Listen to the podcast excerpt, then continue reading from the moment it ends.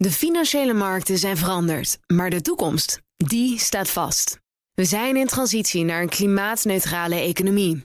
Dit biedt een van de grootste investeringskansen van onze generatie. Een kans voor u om mee te groeien met de pioniers van morgen. Meer weten? Ga naar carbonequity.com. Carbon Equity. Do good by investing better.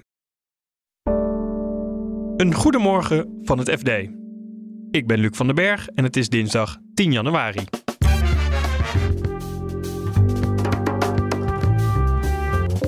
Nederlandse fondsen stoppen geld in de prille fotonica-industrie. Maar het is wel een technologie waarvan verwacht wordt dat hij uiteindelijk gaat zorgen voor heel veel doorbraken op allerlei belangrijke, zeg maar, aanpalende technologieën. Netflix hoeft in Duitsland niet op zwart, dankzij de Nederlandse rechter. En nou is het zo dat Netflix in Nederland het moederbedrijf gevestigd heeft zitten. Uh, en dat DivX dacht, in Duitsland overtreden jullie de wet en als Nederlandse moedermaatschappij mag je daar niet aan meewerken. En een Tsjechische miljardair werd vrijgesproken van fraude. Maar dat gaat hem waarschijnlijk niet aan het presidentschap helpen. Je hebt haters en je hebt uh, mensen die van hem houden. Nou, die mensen die van hem houden, dat is ongeveer 30% van het electoraat. De rest heeft gewoon uh, echt enorm de pest aan de man. Dit is de dagkoers van het FD. Een groep van vijf Nederlandse investeerders koopt een belang in Lyonix. Het Enschedese Fotonica-bedrijf werd in 2018 nog verkocht aan een Koreaans concern. Sandra Olstorn volgt de chipsector en vertelt wat Lyonix precies doet. Uh, Lyonix is uh, een klein bedrijfje, want de fotonica-industrie is nog heel jong. Die technologie is al heel lang in ontwikkeling, maar het begint nu pas wat te worden. Lyonix zit in Enschede maakt. Ze zijn begonnen als een maker van fotonische chips, dus die geleiden fotonen, lichtdeeltjes in plaats van elektronen. Uh, en ze hebben zich in de loop der jaren iets meer ontwikkeld tot, ja, nu noemen ze het modules. Dus dan zijn de chips zijn al ingebouwd in een, uh, apparaatje wat zo door de klant ergens in, ingebouwd kan worden. Waar wordt het dan voor gebruikt? Nou, belangrijk is de telecomindustrie, maar bijvoorbeeld ook uh, sensoren. Um, een van de toepassingen is, dacht ik, een sensor waarmee je bepaalde ziektes kunt traceren. Het is dus een vrij veelbelovende technologie. Waarom werd het al vanuit Nederland verkocht aan Koreanen? Het is een veelbelovende technologie, maar het is ook een technologie waar dus, nou, er zit al heel veel jaren onderzoek in, in fotonica. En het is nog niet een massa-industrie of zo. Het is een technologie die, die het punt van doorbreken staat. Maar het is nog niet een enorme markt. En dat was het nog minder in 2018. Uh, eh, eerder in 2016 is al een Koreaanse investeerder ingestapt. En in 2018 is driekwart van de aandelen, de overige aandelen, vervolgens aan uh, een Koreaans uh, bedrijf verkocht. Ja, waarom gebeurde dat toen? Dat is dus omdat er op dat moment, ja uh, super experimentele technologie. Uh, heel risicovol dus voor investeerders om daarin te stappen. En ze konden op dat moment geen uh, Nederlandse of Europese investeerders vinden die, die een belang in het bedrijf wilden, wilden nemen. En die Koreanen durfden dat wel. Nu is er een groep van Nederlandse investeerders. Ja. Wie, wie zijn dat? Het is een consortium aangevoerd door InvestNL. Dat is zeg maar het Nederlandse, het, het paar jaar oude investeringsfonds van de overheid. Forward One, dat is een uh, investeringsmaatschappij die vooral geld steekt in high-tech bedrijven. De regionale ontwikkelingsmaatschappij OostNL, de Universiteit Twente, waar deze technologie volgens mij is ontwikkeld, en Photon Delta. En dat is het paar jaar oude samenwerkingsverband tussen de industrie, kennisinstellingen en um, bedrijven in de fotonica. Eh, een groep vermogende clubs, dan zal er ook wel veel geld uh, zijn betaald voor. Ja, nee, dus dat, dat valt wel mee. 3,5 miljoen betalen ze voor uh, de verwerving van een kwart van de aandelen. Kijk, het is een klein bedrag, maar het is een interessante casus, omdat we heel veel praten, ook in de krant, over hoe we hoogwaardige technologie in Nederland en in Europa gaan houden. En Um, in hoeverre uh, moeten we uh, buitenlandse investeerders proberen tegen te houden dat die Nederlandse en Europese technologie wegkopen? En hoe gaan we zorgen dat we hier een ecosysteem opbouwen waarin dit soort bedrijven hier kunnen groeien? Nou, dan is gewoon grappig als uh, een deel van de aandelen, het is een kwart wat ze nu kopen, het een kwart van de aandelen van zo'n bedrijf, wat is eerst Koreaans was, nu weer in Nederlandse handen komt. Met, met die groeiende ambities ook, hè? niet alleen in Nederland, maar ook in Brussel, dus in heel Dit Europa. is een technologie die wordt in de hele wereld worden daar enorme bedragen in gepompt, omdat fotonische chips beloven veel sneller te zijn en veel stabieler en veel meer data te kunnen verwerken uh, en veel um, energie-efficiënter, ook belangrijk, te zijn dan uh, uh, elektronenchips. En het is nooit Uh, ik moet me altijd uitleggen dat het niet zo is dat fotonische chips elektronische chips gaan vervangen. Het gaat elkaar aanvullen. Um, maar het is wel een technologie waarvan verwacht wordt dat hij uiteindelijk gaat zorgen voor heel veel doorbraken op allerlei belangrijke, zeg maar, aanpalende technologieën. En vandaar dat in Europa er veel geld voor wordt uitgetrokken. In Nederland hebben we uh, het Groeifonds, dat dus investeert in nieuwe technologieën, heeft uh, voor fotonica, zeg ik even uit mijn hoofd, van 500 miljoen uitgetrokken. Gaan ze met dat geld dan buitenlandse partijen weer uitkopen, zoals, zoals dat nu een beetje gedaan is? Of wordt het echt geïnvesteerd nu gewoon in beginnende bedrijven? Nou ja, het, het idee is dat uh, de ambitie van Nederland en van Europa is dus dat die industrie hier groeit. Dit was een heel bijzonder uh, geval natuurlijk dat een bedrijf dat al in buitenlandse handen was, dat dan een deel van die aandelen te koop komt omdat die investeerder er gewoon uit wilde. En dan uh, stapt deze groep erin. Maar het is echt wel interessant om te zien dat in tegenstelling dus tot een paar jaar geleden we nu in Nederland wel partijen hebben die, ook al is het dan een relatief klein bedrag, wel bereid zijn nu om hierin te steken. Want het is nog steeds een risicovolle investering natuurlijk. Netflix heeft een belangrijke overwinning geboekt bij de Nederlandse rechter. Het mag zijn streams blijven aanbieden in Duitsland. Tot ongenoegen van technologiebedrijf Divix. Tech-redacteur Stijn van Geels legt uit wat Divix wilde. Divix wil gewoon geld, daar komt het op neer. Uh, en dat komt omdat Divix een octrooi heeft op technologie die je kunt gebruiken om ja, gemakkelijk bepaalde fragmenten uit een video te downloaden. Uh, en daar merk je als gebruiker helemaal niks van. Maar het eindresultaat is dat je uh, snel door die video heen kan klikken. Uh, en bijvoorbeeld snel naar een scène terug kan. En, en dan meteen ook al beeld ziet. in plaats van dat dan eerst het scherm weer moet laden. En ja, volgens DivX misbruikt Netflix een patent van dat bedrijf. Dit gaat er dan over of Netflix dit in Duitsland mag blijven doen.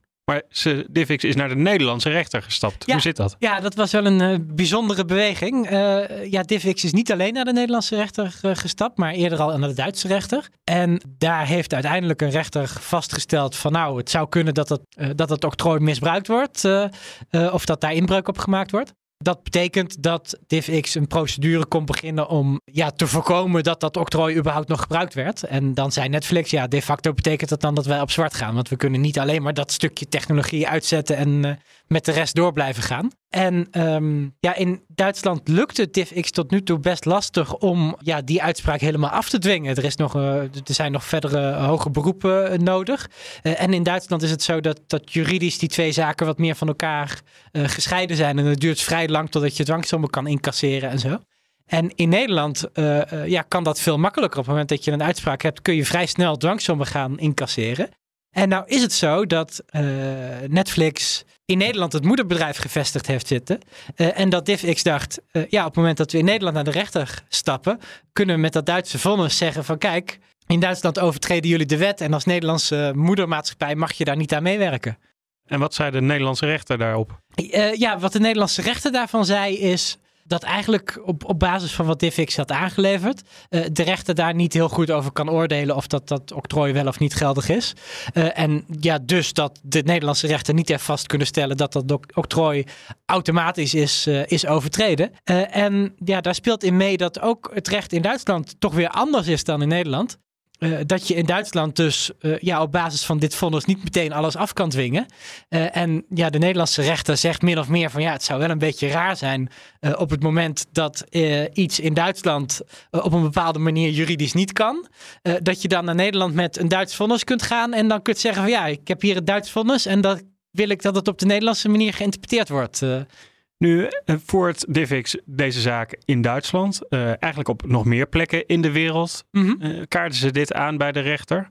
Om hoeveel geld gaat het dan als dit zo breed wordt uitgezet? Ja, ja dat is, is moeilijk om in te schatten daar. Uh, maar je hoort wel wat bedragen in, in ook die uitspraak staan wel wat bedragen.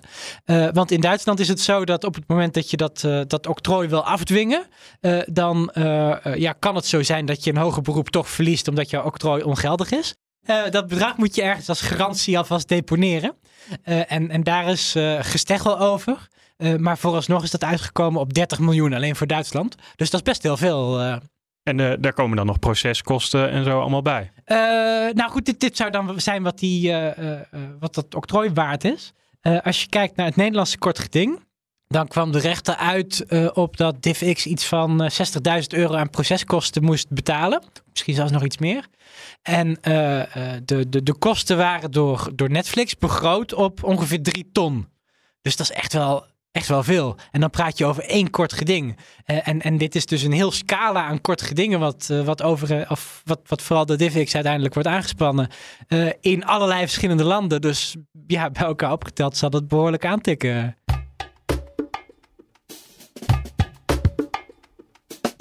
Voormalig premier André Babis was lang verdachte in een fraudezaak in Tsjechië. Gisteren werd hij door de rechter vrijgesproken. Je hoort Europa-verslaggever Han-Dirk Hekking. Hij vertelt wie deze miljardair is. André Babis is eigenlijk een, uh, ja, een, rijke zakenman uit Tsjechië, die eigenlijk uh, de afgelopen tien jaar een behoorlijke stempel heeft gedrukt op de Tsjechische politiek, zou je kunnen zeggen. Hij stuurt het uh, Agrofert bedrijfconglomeraat aan. Dat is een bedrijf dat heeft belangen in de mediawereld, in de landbouw en in de chemie. Ook bouwactiviteiten. Hij is in 2014 trad hij aan als minister van Financiën. Dat heeft hij drie jaar gedaan. Vervolgens werd hij premier van Tsjechië. Hij heeft in 2021 de verkiezingen verloren, maar hij heeft dus eigenlijk wel de afgelopen jaren een behoorlijke stempel inderdaad gedrukt op die Tsjechische politiek. Ja, en nu is hij, of was hij verdachte van in een fraudezaak. Waar werd hij dan precies van verdacht?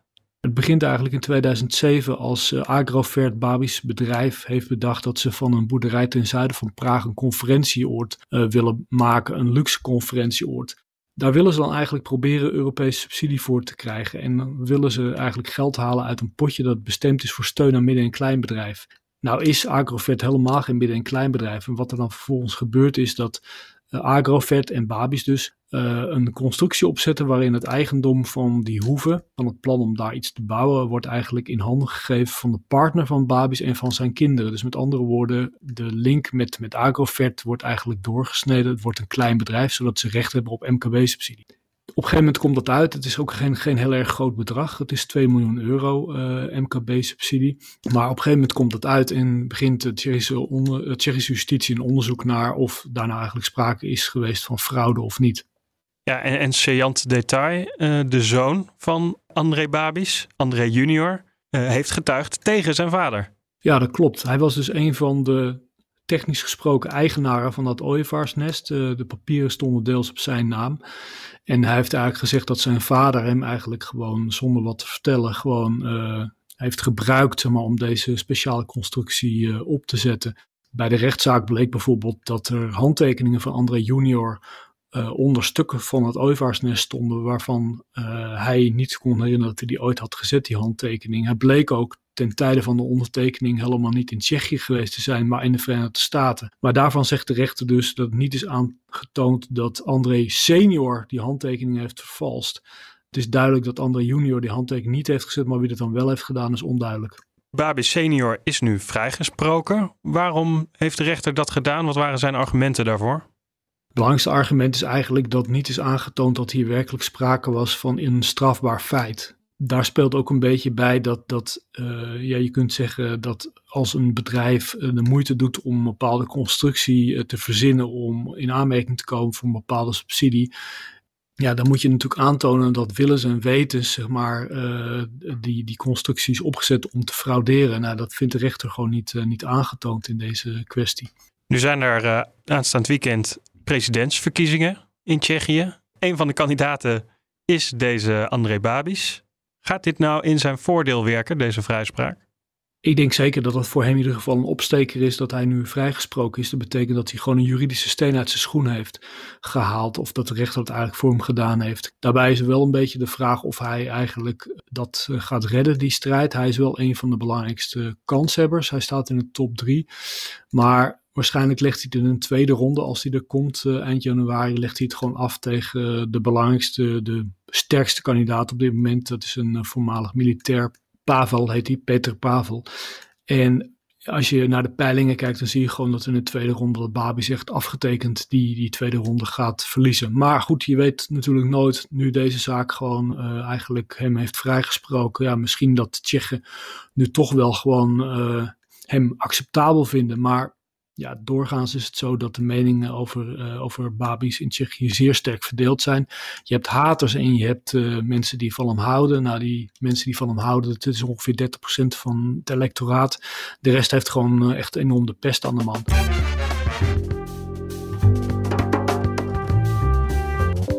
Dit was de dagkoers van het FD. Morgenochtend zijn we weer met een nieuwe aflevering.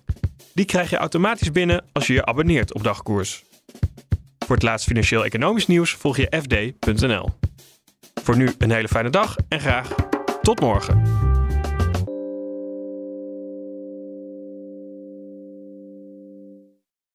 De financiële markten zijn veranderd, maar de toekomst, die staat vast.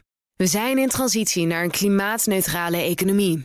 Dit biedt een van de grootste investeringskansen van onze generatie. Een kans voor u om mee te groeien met de klimaatoplossingen van morgen. Meer weten? Ga naar carbonequity.com. Carbon Equity. Do good by investing better.